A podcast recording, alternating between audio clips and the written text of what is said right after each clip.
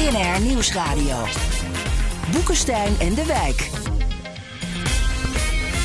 Hugo Reitsma. Welkom bij Boekenstein en de Wijk. Het is dinsdag, dag 734 van de oorlog in de Oekraïne. En Rob Arjan, ik heb weer een paar niet eenvoudige vragen voor je.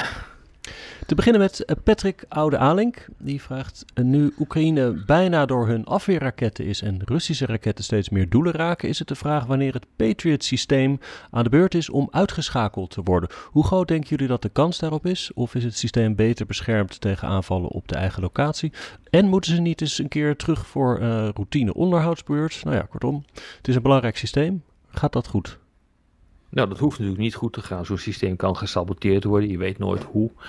Uh, het zou kunnen worden aangevallen. Dat weet je op dit ogenblik ook niet hoe. Ik heb dat nog nergens gehoord, dat zo'n systeem nee, dat is uitgeschakeld. Hè? Nee, dat nee. heb ik ook nog nooit uh, gehoord. Althans nee. niet in uh, Oekraïne.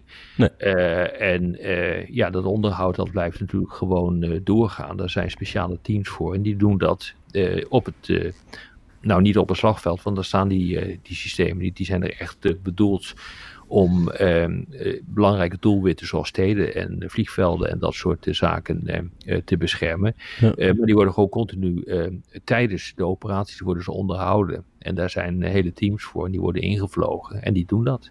En, maar op een gegeven moment ja, zal het een keer ophouden en dan moet zo'n hele systeem worden vervangen. En dan wordt het natuurlijk wel lastig. Hoe lang dat duurt, weet ik niet. Maar ik weet wel dus dat onder operationele omstandigheden dat allemaal vrij lang ter plekke kan blijven. Ze staan met name in Kiev, geloof ik, hè? Ja, voor de bescherming van Kiev zelf. Ja, ze zijn ook uh, gebruikt, en dat is echt interessant, en daar waren de Amerikanen niet zo blij mee in een vooruitgeschoven positie om uh, vliegtuigen van uh, Rusland boven Russisch grondgebied neer te schieten. Dat was het verhaal met dat vliegtuig waar volgens de Russen dan krijgsgevangenen in hadden gezeten. Toch? Exact, ja. exact, exact. En dat was vlak over de grens.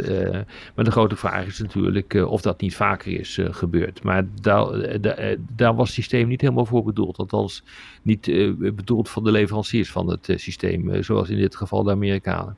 Ja. Maar ik snap die vraag van Patrick in die zin wel. Van, ja, je hebt dan die ja. systemen bij, bij Kiev staan en die, die zijn er voor de beveiliging van de belangrijkste doelwitten. Maar die hebben ook een radar om dus doelen op te sporen. Maar die ja. radars die zijn dan dus ook weer zichtbaar. Je hebt specifieke anti-radar-raketten. Dus ik kan me voorstellen dat nee, dat moet, een doelwit is. Ja, maar zo, dat is ook zo. En zo'n uh, zo'n systeem moet je dus ook, uh, uh, ook beschermen. Ik zou me kunnen voorstellen dat je zo'n groot systeem ook nog een keer weer beschermt met kleinere systemen daaromheen. Dat is natuurlijk allemaal mogelijk. Hè. Die je dan wel moet hebben, want er is een ja. enorm tekort aan al die ja. systemen. Ja. ja. kijk, als er een drone aankomt, dan ga je geen Patriot op afsturen. Dat is gewoon, maak je een kostenbatenanalyse, waardoor eigenlijk de prijs van zo'n zo'n raket, zo'n zo'n Patriot-raket, vrij veel te hoog is voor zo'n goedkope drone. Dus moet je, die moet je op een andere manier uit de lucht plukken voordat die, wordt, voordat die in zo'n Patriot-systeem kan inslaan. Nou, dat, dat gebeurt volgens mij ook. Ja. ja. En de Patriots zijn mobiel, hè? Dus die kunnen dus ja.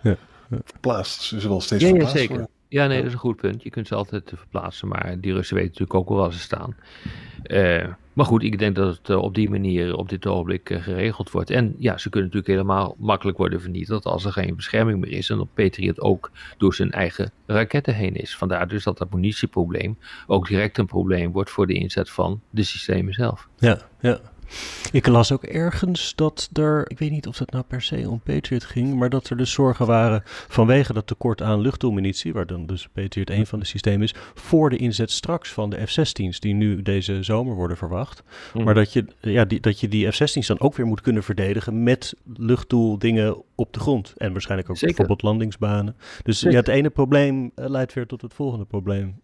Ja, hoe meer F-16's je plaatst, uh, hoe meer uh, verdediging je moet plaatsen op een vliegveld. Zo simpel is dat, denk ik. Ja. Als je daar nieuwe vliegvelden voor in gebruik neemt, dan trekt dat weer luchtverdediging weg bij, bij andere te verdedigen doelwitten. Ja. ja. Steden of andere vliegvelden of hele grote elektriciteitscentrales, noem maar wat op. Of misschien wel een kerncentrale. Ga zo maar door. Ja. Nou, dan heb ik nog deze voor jullie van Arjen Bouwhuis. Die zegt: Ik ben erg benieuwd hoeveel mensen Rusland nou werkelijk kan inzetten in de oorlog tegen Oekraïne. Rusland heeft natuurlijk 140 miljoen inwoners, maar Poetin haalt zijn soldaten voornamelijk uit ver weggelegen, dun bevolkte gebieden. En, die vindt verdere mobilisatie uh, nogal eng. Hij wil geen onrust verder in de grote steden. Het grootste deel van de Russen woont nou in elk geval in het Europese deel. Uh, dan zijn er ook nog veel mensen gevlucht. Dus hoeveel is er nou daadwerkelijk beschikbaar? Hij twijfelt, als ik hier goed begrijp, aan hoe groot dat potentieel nou daadwerkelijk is. Ik, dat is denk ik niet goed te zeggen. Het enige wat te zeggen is, en dat zijn de berichten die we continu uh, krijgen, dat Rusland in staat is om zijn verliezen te compenseren met nieuwe aanwas. Ja. En dat ze dit nog jaren vol, kunnen volhouden. Maar hoe dat precies tot achter de komma zit, dat weet eigenlijk niemand. Omdat we ook niet echt precies weten hoeveel uh, doden nou zijn uh, gevallen. Uh, volgens de laatste cijfers zouden dat, help eens even, een stuk ja, tussen de 76 en 88.000 zijn. Nou, dat kunnen ze in ieder geval compenseren. En daarmee kunnen ze nog heel lang doorgaan. Ja, ik hoorde vanmorgen vroege War on the Rocks podcast met die mm Kaufman, hè? die weet daar veel van. Ja. En die zei van, nou, de, de, mobilisatie van Rusland is beter geslaagd dan we, dan we ingeschat hadden. En eh, vergeleek het dus heel erg met de situatie in Oekraïne. En daar gaat het helemaal niet goed, want die mobilisatiewet ligt nog steeds vast in Kiev. Het bedrijfsleven in Kiev is mordicus tegen dat er jonge mannen ook worden opgeroepen. Uh, en, dat, en, en, en de militaire analist, analisten zeggen, ja, maar er zijn veel meer Oekraïnse soldaten nodig, omdat de Russen er zo veel hebben. Omdat de Russen hebben sowieso een numeriek overwicht. Hè? Dus je ziet wel de spanningen in het Kiev-politieke systeem ook op dit punt. Nou ja, maar het is wel echt een principieel en een heel erg belangrijk eh, punt. Want er wordt gevraagd aan het Westen om continu van alles te leveren. Um, en dat, uh, dat denk ik dat dat ook verstandig is om dat te doen. Want als het misgaat in Oekraïne, ja, dan is de kans ook dat het ook vrij groot dat het misgaat in heel Europa. Omdat, wie weet wie het volgende land is. in het begin van de oorlog was ik niet zo bang voor een ehm, voor het verder doorpakken van Oekraïne naar, laten we zeggen, de Baltische Staten, omdat je dan toch krijgt, komt te zitten met de nucleaire afschrikking van de NAVO. Nou ja, dat is een brug te ver. Maar je weet het maar nooit op dit ogenblik. Dus uh, op dit ogenblik sluit ik uh, helemaal niks meer uit. Ja, nou weet ik niet eens meer wat ik wilde zeggen. Na deze om. nou, nou ja, nou wat interessant is, het kwam ook in die podcast tot uiting. 92% van de Oekraïners zeggen dat alles terug moet, inclusief de Krim. Hè? Maar, oh, als je, maar als je ze dus vraagt van, uh, ja, maar er moeten meer, meer, mensen gemobiliseerd worden, dat willen ze Mordicus niet. Ja. En, en dat kan dus niet. Die twee dingen kunnen niet samengaan. Ja, nou weet ik het wel. Uh, weer, ik, uh, wat ik wilde zeggen is dat als je dit niet gaat doen als Oekraïne, en je houdt dus die 500.000 troepen die je nodig hebt eigenlijk binnen de deur. Ja, weet je het, je vraagt eh, aan het Westen om enorme offers te brengen om uh, Oekraïne te steunen. En dit is dan een offer die Oekraïne eigenlijk ook zou moeten, uh, zou moeten doen.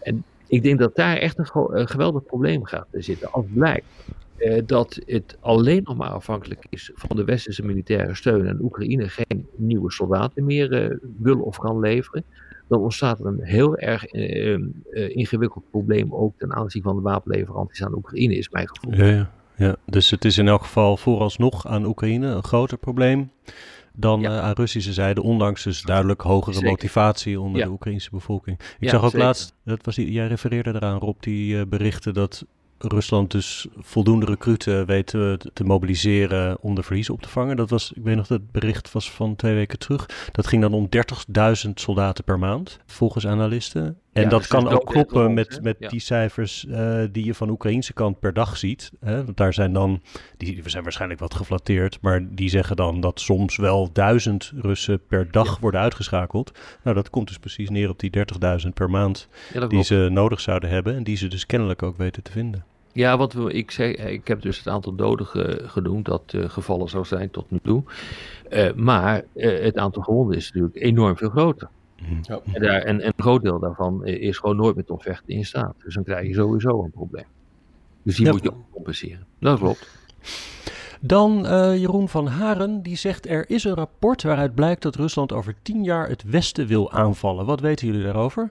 En Rusland, zegt hij, zal op dit moment ongetwijfeld veel produceren. Maar ze konden voor deze oorlog al geen straaljagers meer verkopen omdat ze geen motor kunnen bouwen. Hetzelfde probleem met schepen. België, zegt hij, heeft meer stealthjagers dan Rusland.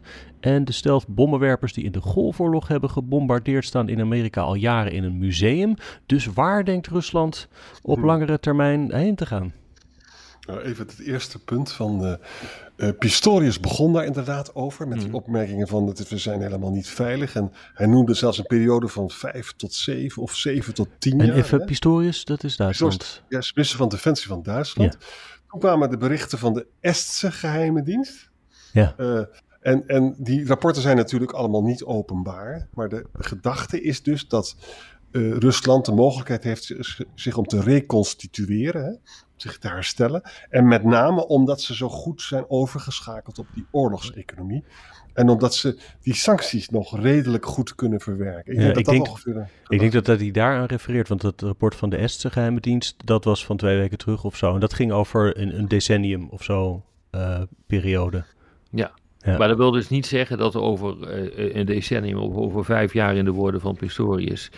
Uh, dat er dan een oorlog komt. Maar dan in die op die termijn moet Rusland in staat zijn om zichzelf te herpakken, zijn verliezen te compenseren, zijn wapenindustrie op orde te hebben. Dus dan zouden ze technisch weer in, militair technisch in staat om, zijn om dat te doen. He, dat, mm dat is het. Het is dus niet zo dat er over vijf jaar oorlog komt, of over tien jaar oorlog komt, of tussen de vijf en tien jaar oorlog komt. Dat is niet zo. Dat ze dan, een bedreiging zijn. Maar dan zou uh, Rusland in staat zijn om dat voor elkaar te krijgen. Kijk, op op het niveau daaronder zijn ze altijd in staat om het een en ander te doen. Je kan cyberaanvallen uitvoeren, je kan uh, uh, kapels uh, doorknippen in de Noordzee, je, je kan sabotageacties op land uitvoeren, je kan je desinformatiecampagnes opschroeven, dat heet hybride oorlogsvoering allemaal.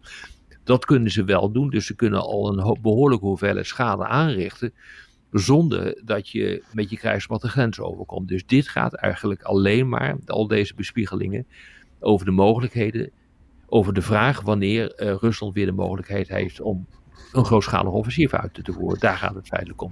En dat brengt Europa dus toe om de afschrikking op orde te hebben hè, binnen vijf jaar. En vandaag zei bijvoorbeeld iemand als Sikorski, weet je, de minister van Buitenlandse Zaken van Polen, van dat hij ook een pleidooi wil houden voor een Europees kernwapen. Daar komt het onderwerp weer naar boven. boven ja, hè? dat iedere keer gebeurt dat, ja. ja. ja. Nou. ja. Nou, overigens, als mensen, dit soort vragen zijn fantastisch, hartstikke goed, maar als mensen ergens naar refereren, doe er even een linkje bij. Ja. Best zijn dat wij ook iets eh, gemist hebben. Misschien uh, zien we iets heel interessants op die manier. In ieder geval weten we dan precies waar we op moeten antwoorden. Ja, en we nog even terug naar die vraag, want Jeroen twijfelt er dus duidelijk aan wat Rusland nou kan produceren. Natuurlijk vast heel veel artilleriemunitie, want dat is niet zo ontzettend ingewikkeld. Maar bijvoorbeeld motoren voor hun vliegtuigen, je weet ook dat ze veel uh, fabrieksonderdelen voor allerlei mm. precisiedingen, die kochten ze tot nu toe allemaal uit het Westen. Ja. En dat weten ze vast op slinkse wijze nog in handen te krijgen, maar het, het rammelt wel een beetje daar. Het, het rammelt, maar uh, ik, ik zeg altijd, kijk, kijk naar Noord-Korea, die presteert het ook om vliegtuigen de lucht in te krijgen. Dus ik bedoel, op een of andere manier krijg je het altijd voor elkaar. Vraag niet hoe. Maar die circumventie van die sancties, dus het omzeilen van die sancties, eh, dat is een vak apart. Waarvan eh, weten we ook dat landen die allemaal in hetzelfde schuitje zitten, uh, bezig zijn uh, nauwer met elkaar samen te werken. En echt zo'n vliegtuig gaat echt wel de lucht in. Je, je, je, er zijn een niet in staat om het boelland te leggen op die manier. Hm. Er zijn een hoop mensen in Armenië en in Kazachstan die erg veel geld willen verdienen. Ja. En via die route kan je dus redelijk safe, kan, je, kan je zelfs semiconductors, chips eh, kan je kopen. Ja, ja en dat het lastig is, als het lastig is, uh, dat wil ik best geloven. dat, dat is gewoon zo. Maar je legt de boel niet plat met sancties. Dat is natuurlijk het hele probleem, omdat Rusland ook niet echt geïsoleerd is. Dat, dat eh, was de bedoeling van Amerika en Europa om Rusland te, te, isoleren, maar dat is gewoon niet gebeurd. Er zijn echt heel veel landen, echt ook hele grote landen, die echt hun ogen dicht willen doen of uh, volop gewoon zaken doen met, uh, uh, met Rusland ook op dit gebied. En hey, je hebt geen idee wat er allemaal uit, uit China komt. Hè. Er worden nu de eerste Chinese bedrijven worden op de zwarte lijst gezet. Die, Daar worden sancties op van toepassing verklaard in de laatste sanctiepakketten van Amerika en de Europese Unie.